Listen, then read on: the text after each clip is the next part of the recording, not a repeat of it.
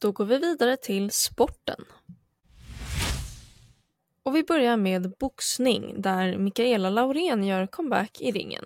Detta rapporterades i flera medier igår måndag. Laurén berättar själv på sina sociala medier att det för vissa kanske kommer som en chock medan det för de som känner henne inte är en överraskning. Hon avslutar även med att hon fortfarande älskar sporten samt känner sig redo och taggad trots sina 48 år och att hon blivit mamma. Comebacken blir på Danish Fight Night i Royal Arena Köpenhamn den 24 februari. Vem Laurén ställs emot är ännu inte klart. Och vi går vidare till friidrott där Bianca Salming, som återigen satsar på mångkamp, i helgen satte ett nytt personrekord i femkamp inomhus på 4 533 poäng. Den enda svenskan före henne på topplistan är Carolina Klüft som 2005 tog 4 948 poäng. Tävlingen ger Salming en skjuts i rankingen inför sommaren och hon säger till SVT Sport att hon har gjort det hon kunnat och får vara nöjd gällande om det räcker till inomhus-VM i Glasgow i mars eller inte.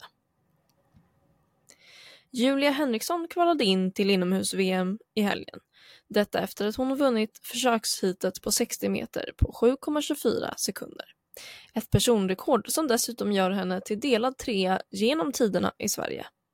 Om det blir något inne-VM för Henriksson låter dock osäkert och hon säger själv att hon får se hur säsongen fortsätter. Vidare till konståkning, där Josefin Taljegård kan titulera sig nordisk mästare. Detta trots att guldmedaljören själv inte var helt nöjd med åket.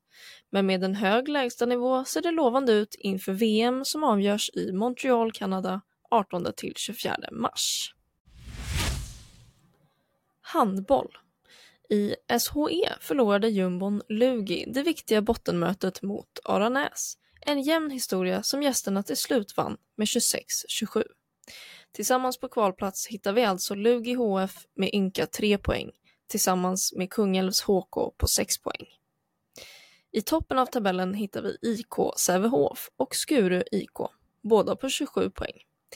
I Skure finns säsongens assist och skyttedrottning Alexandra Bjärrenholt, som redan noterats för hela 126 mål och i helgen nådde hon även 104 assist detta på 16 matcher. Vi går vidare till hockey. I SDHL närmar vi oss slutet av grundserien och med tre till fyra omgångar kvar att spela ser det ut att bli en spännande strid runt slutspelsstrecket där både HV71 och SDE huserar på 32 poäng. HV71 dessutom med en match mindre spelad.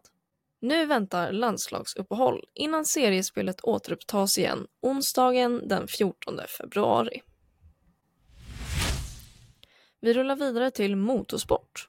I slutet av 2023 körde Mikaela Olin Kotelinski och lagkamraten Johan Kristoffersson hem världsmästartiteln i Extreme E.